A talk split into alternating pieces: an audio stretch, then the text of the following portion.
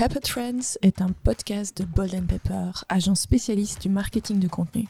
Chaque semaine, nous prenons un café avec un professionnel, ami de l'agence et actif sur le marché belge.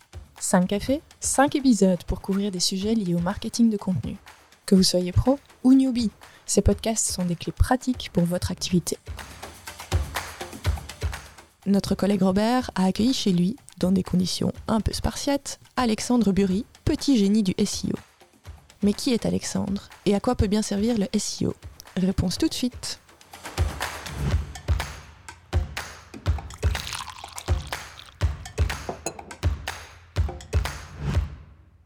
Bonjour Alexandre Bury. Bonjour.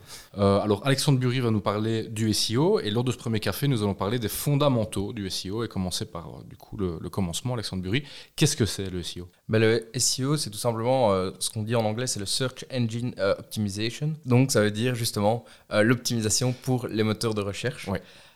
et donc ça va être l'objectif, ça va être tout simplement de monter en fait un site web le plus haut possible sur des requêtes données. Donc par exemple, si on va marquer agence SEO, eh ben, le but c'est d'être premier sur Google avec le mot agence SEO. Voilà. C'est-à-dire que si on vend par exemple, je sais pas moi, des, poussettes, euh, le SEO va nous aider à arriver dans mhm. les premiers résultats Google si euh, d'aventure il y a un utilisateur de Google qui tape euh, poussette pas cher ou poussette bon marché, Bruxelles ou ce genre de choses. Exactement, ouais. On va essayer de mettre à chaque fois sur plusieurs mots-clés, d'être sur poussette pas cher, puis un, sur poussette allez, poussette à moins de 100 euros par exemple, etc.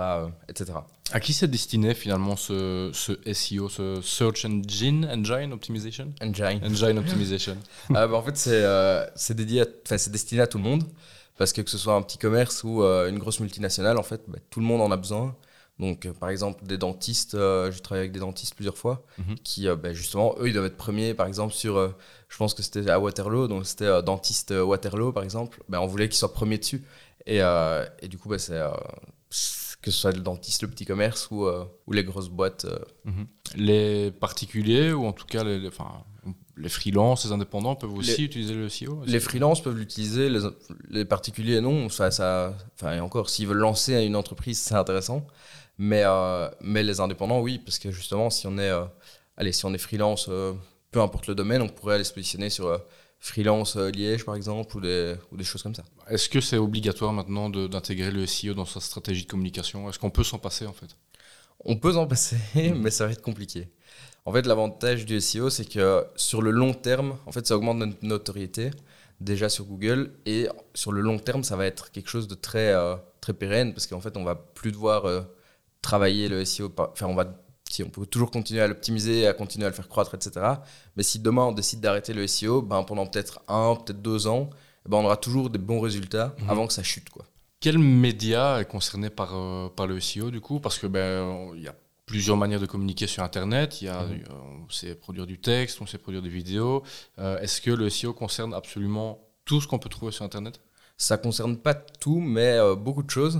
Donc on peut avoir sur YouTube, sur Google, sur on ne pense pas beaucoup, mais Amazon aussi. Amazon, c'est un moteur de recherche. Euh, sur, euh, en fait, sur LinkedIn aussi un petit peu, mais pas, pas tant que ça en fait. Parce que le problème, c'est que bah, les gens recherchent moins sur LinkedIn, euh, ils recherchent plus des profils directement. Mais oui, ça peut être, ça peut être très varié. Quoi. Vous parlez d'Amazon, Google, YouTube. Est-ce qu'il y a d'autres moteurs de recherche qui sont peut-être moins connus, moins utilisés, mais tout aussi importants? Il y, a, il y en a certains en fait qu'on ne se rend pas compte. C'est aussi l'App Store ou le Play Store donc là où on met les applications en vente, parce que là aussi on doit, on doit se positionner en premier. Et après, il y a aussi les autres moteurs de recherche euh, type euh, Bing, euh, Yahoo, etc. Mais souvent on dit Google parce que bah, c'est le plus grand. Et il y a quand même 95% des gens qui utilisent encore Google dans le monde. Donc qu'on le veuille ou non, mhm. c'est le premier et c'est celui sur lequel il faut le mieux se positionner en fait. C'est ça, c'est pas obligatoire, mais c'est quand même malgré tout incontournable. Ouais, voilà. Et souvent, si on est bien positionné sur Google, on est bien positionné sur Bing et Yahoo. ouais par la suite. Oui. Pour quelle raison? Parce que ça fonctionne plus ou moins de la même façon. Google est plus complexe en fait que les autres. Et donc, ben, ça, se, ça monte automatiquement. Pour revenir au SEO euh, à proprement parler, comment on fait du SEO en fait? Est-ce que c'est quelque chose qui est accessible pour le commun des mortels, entre guillemets, ou est-ce qu'il faut faire appel à vous, à une agence euh? C'est accessible pour le commun des mortels, parce mhm. que d'ailleurs, j'ai coaché des personnes à faire du SEO euh, eux-mêmes, mhm. même à faire leur site, etc. Et ils ont été premiers sur chacune de leurs pages. Donc euh, sur une dizaine de pages. Et euh, après six mois, je pense, j'aurais demandé comment ça allait. Et, euh, Mhm. Ils me disaient qu'ils avaient trop de clients. Et donc, Mhm. euh, bah, au final, euh, c'est que ça avait bien fonctionné. C'est que ça va bien fonctionner. Et c'est des gens qui n'avaient jamais touché, euh, jamais touché au, au SEO avant ou même à la création d'un site. Quoi. Et donc, en fait, ben, euh, oui, c'est possible. Il faut euh, bien vouloir le faire, etc. Mais avec euh, les, bonnes, euh, les bonnes stratégies, en fait, c'est pas compliqué. Mais justement, alors comment on fait du, du SEO C'est quoi les, les choses à mettre en place? Ouais. La première étape, ça va être donc la recherche de mots-clés. Donc là, on va rechercher sur, euh, sur des outils. On peut regarder sur euh, Ubersuggest, euh, Keyword Finder ou euh, SEMrush si on a vraiment plus, plus de moyens, parce que SEMrush est vraiment très cher pour quand on démarre en tout cas. Et donc là-dessus, on va pouvoir voir les volumes de recherche et la difficulté qu'on a à se placer sur les mots-clés. C'est-à-dire Donc, par exemple, on va prendre, euh, je prends toujours agence SEO parce que c'est le plus simple. Mais agence SEO, ça va être quelque chose de très concurrentiel parce qu'il y en a partout dans le monde. Mhm. Et du coup, bah, il y a beaucoup de gens qui veulent se placer là-dessus vu que c'est le plus recherché. Mais en fait, quand on regarde un peu plus bas, on va trouver par exemple agence SEO Bruxelles, Mhm. qui a un mot-clé, ce qu'on appelle long train, qui est un peu plus long en fait. Alors que les autres, c'est plus des mots-clés euh, classiques, euh, courts, etc. Mais qui sont. Ils étaient facilement accessibles il y a 20 ans ou 15 ans, mais maintenant, euh, c'est plus compliqué.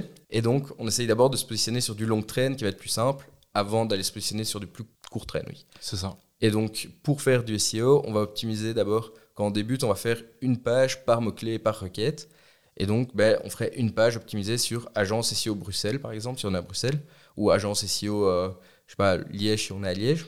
Et alors, on va, euh, dans ce texte, répéter plusieurs fois le mot-clé dans les titres, etc., faire une bonne structure de page, et après, utiliser ce qu'on appelle la sémantique, qui sont des mots qui tournent autour de agence SEO euh, Mhm. Liège, par exemple. L'exemple le plus simple, c'est de parler de James Bond, où là, on va dire, euh, ben, si on parle de MI6, euh, Aston Martin, Rolex, espion, on va comprendre que c'est James Bond, alors qu'on n'a pas besoin de dire James Bond. Et ben en fait, pour Google, c'est pareil.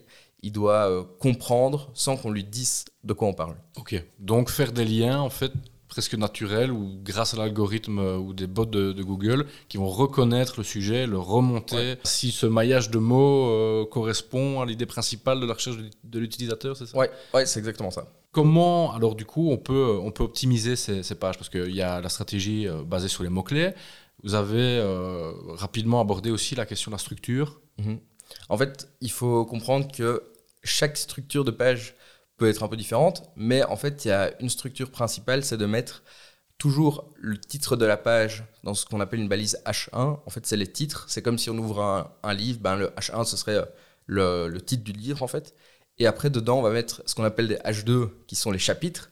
Et puis euh, H3, sous-chapitre, etc., etc. Et il faut toujours respecter cet ordre de H1, H2, H3. Enfin, on n'est pas obligé de mettre un Mhm. H3 à chaque fois, mais on doit toujours.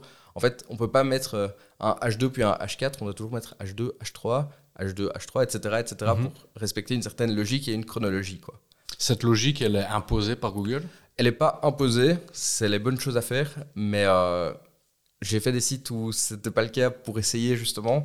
On est premier sur les requêtes, mais c'est parce qu'il n'y avait pas beaucoup de concurrence. Et donc Mhm. en fait, bah, si on va se battre contre des endroits où il y a vraiment plus de concurrence, si on le fait pas, ça va être compliqué. Mhm. Et ce qui est bien aussi, c'est justement quand on recherche notre mot-clé, d'aller voir directement sur, euh, par exemple, comme je prenais tantôt, agence SEO Liège, de voir le premier qui est sur Google quand on tape ça, comment est-ce qu'il a fait sa page. Et donc de reprendre un peu cette structure-là et de savoir, ah ok, euh, lui, il a fait a comme marché ça, comme ça. On sait qu'il y a le H1, puis ils ont fait une intro, puis ils ont fait un H2, puis ils ont fait un petit paragraphe, puis ils ont fait ci. Et en fait, reprendre exactement la même structure parce que lui, il est bon. Mhm. Et donc, en fait, ça, on va reprendre la structure et améliorer tout le texte, etc. Et alors essayer de passer devant. Au niveau du moment, alors là ici on vient de parler un petit peu de, entre guillemets, de stratégie SEO, en tout cas de présenter les fondamentaux, euh, c'est quand le meilleur moment finalement de mettre cette stratégie en place? Est-ce que c'est euh, pendant qu'on réfléchit à sa communication euh, de manière élargie? Est-ce que c'est vraiment pour des objectifs qui sont spécifiques? Quand on doit se dire, tiens, là mon SEO, je dois l'optimiser pour justement atteindre de meilleurs résultats sur Google, euh, un meilleur trafic sur mon site et potentiellement aussi plus d'opportunités euh, business. Ben, euh, en fait, de base, il vaut mieux bosser le SEO avant de bosser le site. Mhm. Donc, il faut pas avoir. Enfin, on peut avoir un site, hein, Mhm. mais il faut essayer de commencer le SEO avant de penser au site parce qu'on va penser justement à la structure de comment est-ce qu'on va faire notre site avec les mots-clés, chaque page, etc. Et quand on connaît un peu les structures, eh ben, on, arrive, euh, on arrive à faire quelque chose de bien. Allez, le, un client, on lui avait dit ce qu'il devait faire, finalement, il l'a pas fait. Et donc maintenant, il veut bosser le SEO. Mais du coup, on est juste là en train de lui dire, euh, oui, euh, ben, la personne qui a fait ton site, ben, euh, il l'a mal fait, quoi. Parce qu'on t'avait dit qu'il fallait pas le faire. Et Mhm. donc là, euh, on peut recommencer depuis, depuis zéro, quoi.